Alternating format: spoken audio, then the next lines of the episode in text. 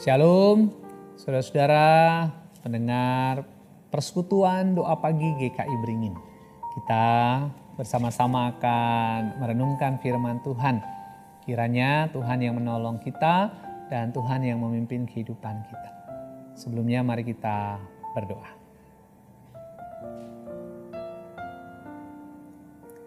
Ya Allah, terima kasih untuk segala berkat yang kau berikan, untuk kehidupan yang juga Tuhan berikan bagi kami untuk kami jalani dan kami nikmati.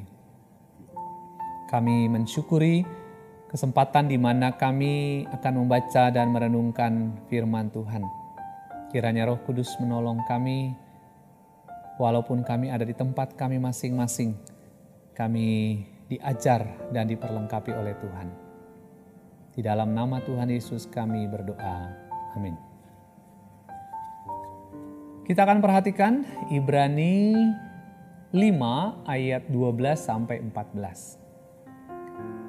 Sebab sekalipun kamu ditinjau dari sudut waktu, sudah seharusnya menjadi pengajar, kamu masih perlu lagi diajarkan asas-asas pokok dari penyataan Allah dan kamu masih memerlukan susu bukan makanan keras.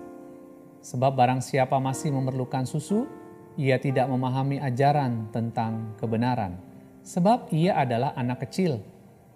Tetapi makanan keras adalah untuk orang-orang dewasa yang karena mempunyai, panca indera yang terlatih untuk membedakan yang baik daripada yang jahat.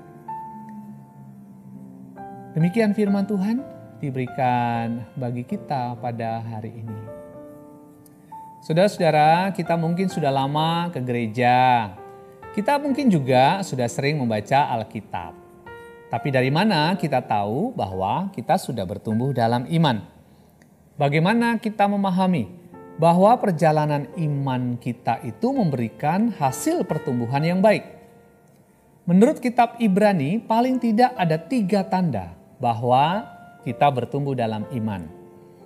Yang pertama adalah mengerti dan melakukan kebenaran yang diajarkan. Uh, salah satu hal yang membuat Yesus itu jengkel terhadap ahli Taurat adalah mereka paham sekali tentang hukum Taurat, tetapi mereka tidak menghidupinya. Nah, kedewasaan rohani seseorang tidak bisa diukur dari seberapa sering ia membaca Alkitab, atau seberapa hebat dia pelayanan, apalagi diukur dari usianya. Tapi bagaimana kita tahu bahwa seseorang bertumbuh dalam iman adalah bukan hanya karena mereka tahu atau mereka mendengar, tetapi juga mengerti dan menghidupi kebenaran itu. Jadi ada pertobatan. Hidup mereka membawa keharuman tentang Kristus. Sehingga orang melihat hidupnya berubah setelah mengenal Yesus mereka menjauhi dosa. Sebab pergumulan orang yang sudah bertumbuh itu bukan masalah saya berdosa atau tidak ya. Oh itu udah lewat. Tetapi bagaimana dia mengerjakan kehendak Tuhan dalam hidupnya, bagaimana dia merespon panggilan Tuhan. Dia sadar kok bahwa dosa itu mendukakan Allah sehingga dia akan meninggalkan dosa. Orang yang masih kanak-kanak akan mengatakan, susah banget ikut Yesus. Susah ikut aturan-aturan Tuhan. Anak kecil itu agak sulit diberitahu aturan. Kalau kita bilang jangan dilakukan, malah dilakukan. Lalu ujung-ujungnya nangis karena ada masalah. Orang yang masih kanak-kanak rohani susah dibilangin sebab masih coba-coba melakukan dosa. Padahal sudah lama dia jadi Kristen. Makanya Paulus juga mengatakan, kalau dari sisi usia harusnya sudah jadi pengajar nih, tapi kok masih begini-begini aja. Orang yang dewasa rohani itu punya panca indera yang baik untuk mengenali dosa. Tapi kalau orang-orang Kristen masih cari-cari ayat untuk membenarkan dirinya, itu tanda bahwa dia belum bertumbuh dalam iman. Nah, pada bagian ini Paulus mengajak kita untuk memahami bahwa jika kita mau bertumbuh dalam kedewasaan iman, maka kita perlu menyediakan diri untuk belajar kebenaran firman Tuhan. Orang yang mau belajar tidak harus selalu jadi pengajar, tetapi ia akan mengupayakan dirinya memahami kebenaran firman Tuhan. Ya tentu kita tidak mau selama-lamanya jadi anak-anak terus, tapi kalau mau dewasa ya memang harus belajar. Dan itu baru bisa terjadi kalau kita paham bagaimana kebenaran Allah dan bagaimana melakukannya. Untuk mengerti dan memahami maka perlu belajar. Dan untuk belajar perlu kemauan. Dan untuk belajar juga diperlukan waktu. Maka berikanlah waktu untuk terus belajar kebenaran firman Tuhan. Hal yang kedua adalah tidak hidup untuk diri sendiri. Dalam bagian yang lain, Paulus mengatakan dalam 1 Korintus 20 ayat 1 ah, Korintus 10 ayat 24. Jangan seorang pun yang mencari keuntungannya sendiri, tetapi hendaklah tiap-tiap orang mencari keuntungan orang lain. Orang yang dewasa sudah mengerti tanggung jawab. Makanya dalam pastoral pernikahan, para pendeta sering mengingatkan, kalau belum dewasa jangan menikah. Sebab pernikahan itu berarti bertanggung jawab terhadap orang lain. Menikah itu mudah, tapi berumah tangga itu butuh perjuangan. Ya, orang yang bertumbuh mengerti kata-kata berkorban. Ya, sebagai contoh, kebanyakan orang tua akan memprioritaskan kebutuhan anak-anaknya. Betul ya? Anak-anak suka apa? Ya akan coba diupayakan untuk diberikan. Kadang-kadang orang tua jadi sering gemuk ya karena makan apa saja sisa anak-anaknya karena sayang kalau dibuang. Atau sebaliknya orang tua lapar juga nggak apa-apa asal anak-anak yang bisa makan. Orang yang bertumbuh mengerti arti kata berkorban. Dia tidak memikirkan dirinya sendiri. Anak kecil itu egois, dan hanya fokus pada diri sendiri.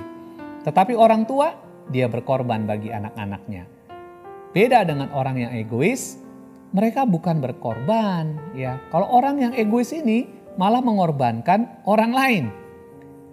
Nah, Saudara, jika kita bertumbuh dalam Tuhan, maka kita akan mengerti apa arti kata berkorban.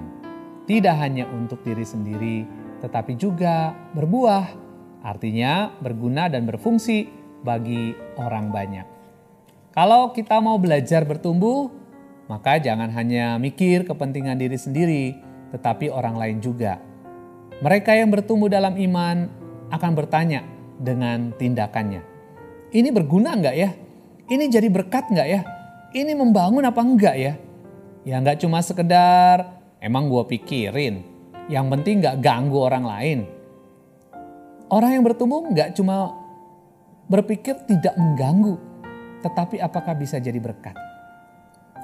Kalau kita suka menggunakan media sosial, Facebook, Instagram, kita perlu berhati-hati. Jangan kita ikut dalam stigma bahwa netizen itu bisa seenaknya dan jahat. Ya karena sudah dicap demikian ya kita jadi seenaknya juga. Kan netizen, jadi nggak apa-apa mau ngomong apa saja. Tidak, itu bukan kita. Saat kita mau bertumbuh dalam iman, maka kita juga harus mempedulikan orang lain. Kalau kita masih suka membuli, komentar seenaknya, jangan-jangan kita masih kanak-kanak. Nah, karenanya orang Kristen yang bertumbuh memiliki integritas dengan kebenaran imannya, bukan karena dilihat orang. Kalau orang banyak aja, waduh, rasanya hebat, oh, kelihatan baik, eh, dan seterusnya. Jangan kita melakukan hal-hal yang baik itu supaya dilihat orang. Itu sudah ada upahnya, kata Yesus. Kita diberkati Tuhan untuk bertumbuh dan menjadi buah yang baik bagi banyak orang. Hal yang ketiga, kita harus fokus kepada hal-hal yang penting saja. Fokus kepada yang esensi, artinya pandangan kita itu terarah kepada yang di depan untuk kemajuan, ya bukan soal iri hati atau perselisihan. Fokusnya adalah bagaimana memikirkan persekutuan kita maju. Kebanyakan orang tua berpikir beda dengan anak-anaknya. Orang tua kalau pagi berpikir masak apa, anaknya sudah disiapin belum, pakaiannya bagaimana, sibuk bulan ini harus bayar apa. Anak-anak gak berpikir ke sana. Apalagi mikirin bumbu masak yang habis, beras habis, enggak. Ya, seperti nggak ada beban saja, fokusnya hanya main, itu anak-anak. Oleh karena itu, orang yang bertumbuh akan berpikir hal-hal yang penting, bukan yang tidak penting. Buat apa iri hati kalau hanya menyebabkan susah hati dan tertekan? Iri hati itu sesungguhnya menggerogoti hati nurani kita, kepedulian kita, sehingga kita tidak berguna. Yang dipikirkan adalah bagaimana caranya tetap unggul dari orang lain. Iri hati bersahabat dengan kesombongan dan celakanya iri hati nggak pernah membuat ke keadaan kita menjadi lebih baik. Malah menambah hidup kita itu susah. Makanya Paulus bilang dalam 1 Korintus 3 ayat 3b. Sebab jika di antara kamu ada iri hati dan perselisihan, bukankah hal itu menunjukkan bahwa kamu manusia duniawi dan bahwa kamu hidup secara manusiawi. Di dalam pelayanan, di antara orang yang belum dewasa, ya sering terjadi perselisihan. Persoalannya bisa macam-macam. Kenapa dia yang dijadwal? Kenapa dia yang dipuji? Kenapa dia yang begini dan begitu? Iri hati untuk hal-hal yang tidak penting. Dan masalah ini yang diributkan. Lalu kapan kita akan membangun persekutuan kita? Tentu per, tentu saja perselisihan bisa terjadi di mana saja. Tetapi untuk hal-hal yang tidak esensi, nggak usah diurusin. Ya, di masa sulit ini, kenapa kita masih memikirkan yang nggak penting? Orang yang bertumbuh memikirkan seperti orang tua yang berpikir ke depan. Bukan seperti anak-anak yang main masak-masakan, lalu berantem karena uh, mainannya dipinjem tanpa izin Ya mereka bertengkar begitu, lalu pulang tapi besok main bareng lagi. Seolah-olah tuh nggak ada hal yang perlu dipikirkan. Jadi apakah kita bertumbuh bersama dengan Tuhan dan dinampakkan dalam kehidupan sehari-hari? Nah, eh, saudara-saudara yang terkasih, kalau kita melihat bahwa sampai hari ini kita diberikan kehidupan, bahwa kita ada di dalam gereja yang penuh dengan dinamika, ada banyak tantangan dan usaha yang harus dilakukan, namun kalau sampai hari ini kita masih diberikan kehidupan, kecukupan, maka itu adalah sebuah anugerah.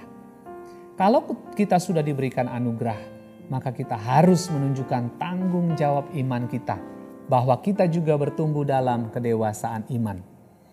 Persekutuan kita, kehidupan kita harus belajar untuk menunjukkan keberadaannya di tengah-tengah masyarakat. Bahwa kehadiran kita ini nggak cuma sekedar numpang ada tetapi juga berfungsi dengan benar. Ya semoga kita bersuka cita bersama dan menunjukkan pertumbuhan yang semakin baik. Kita perlu bertumbuh karena kita berjalan bersama-sama dengan Tuhan. Pertumbuhan itu akan menjadi berkat bagi orang lain dan kita perlu menjaga diri kita dengan sebaik-baiknya, mengevaluasi diri kita agar apa yang kita lakukan, yang kita kerjakan sesuai dengan kehendak Tuhan. Kita bisa bertumbuh bersama karena Tuhan yang bekerja di dalam diri kita masing-masing. Mari kita berdoa. Tuhan terima kasih karena Tuhan yang senantiasa memberkati dan memperlengkapi kami. Ada banyak hal dalam hidup kami ini, kami merasa bahwa kami yang lebih baik. Kami menjadi iri hati. Akibatnya kami hanya memikirkan hal-hal yang menyenangkan diri kami kami mengabaikan kehendak Tuhan. Ampunilah kami, ya Allah. Tolonglah kami agar kami juga dapat memahami kehendak Tuhan dan melakukannya dalam hidup kami sehari-hari. Kami semua diberkati untuk terus bertumbuh dan berfungsi dengan baik sesuai dengan tugas yang Tuhan berikan.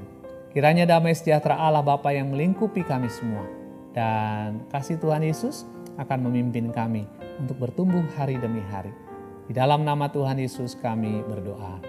Amin.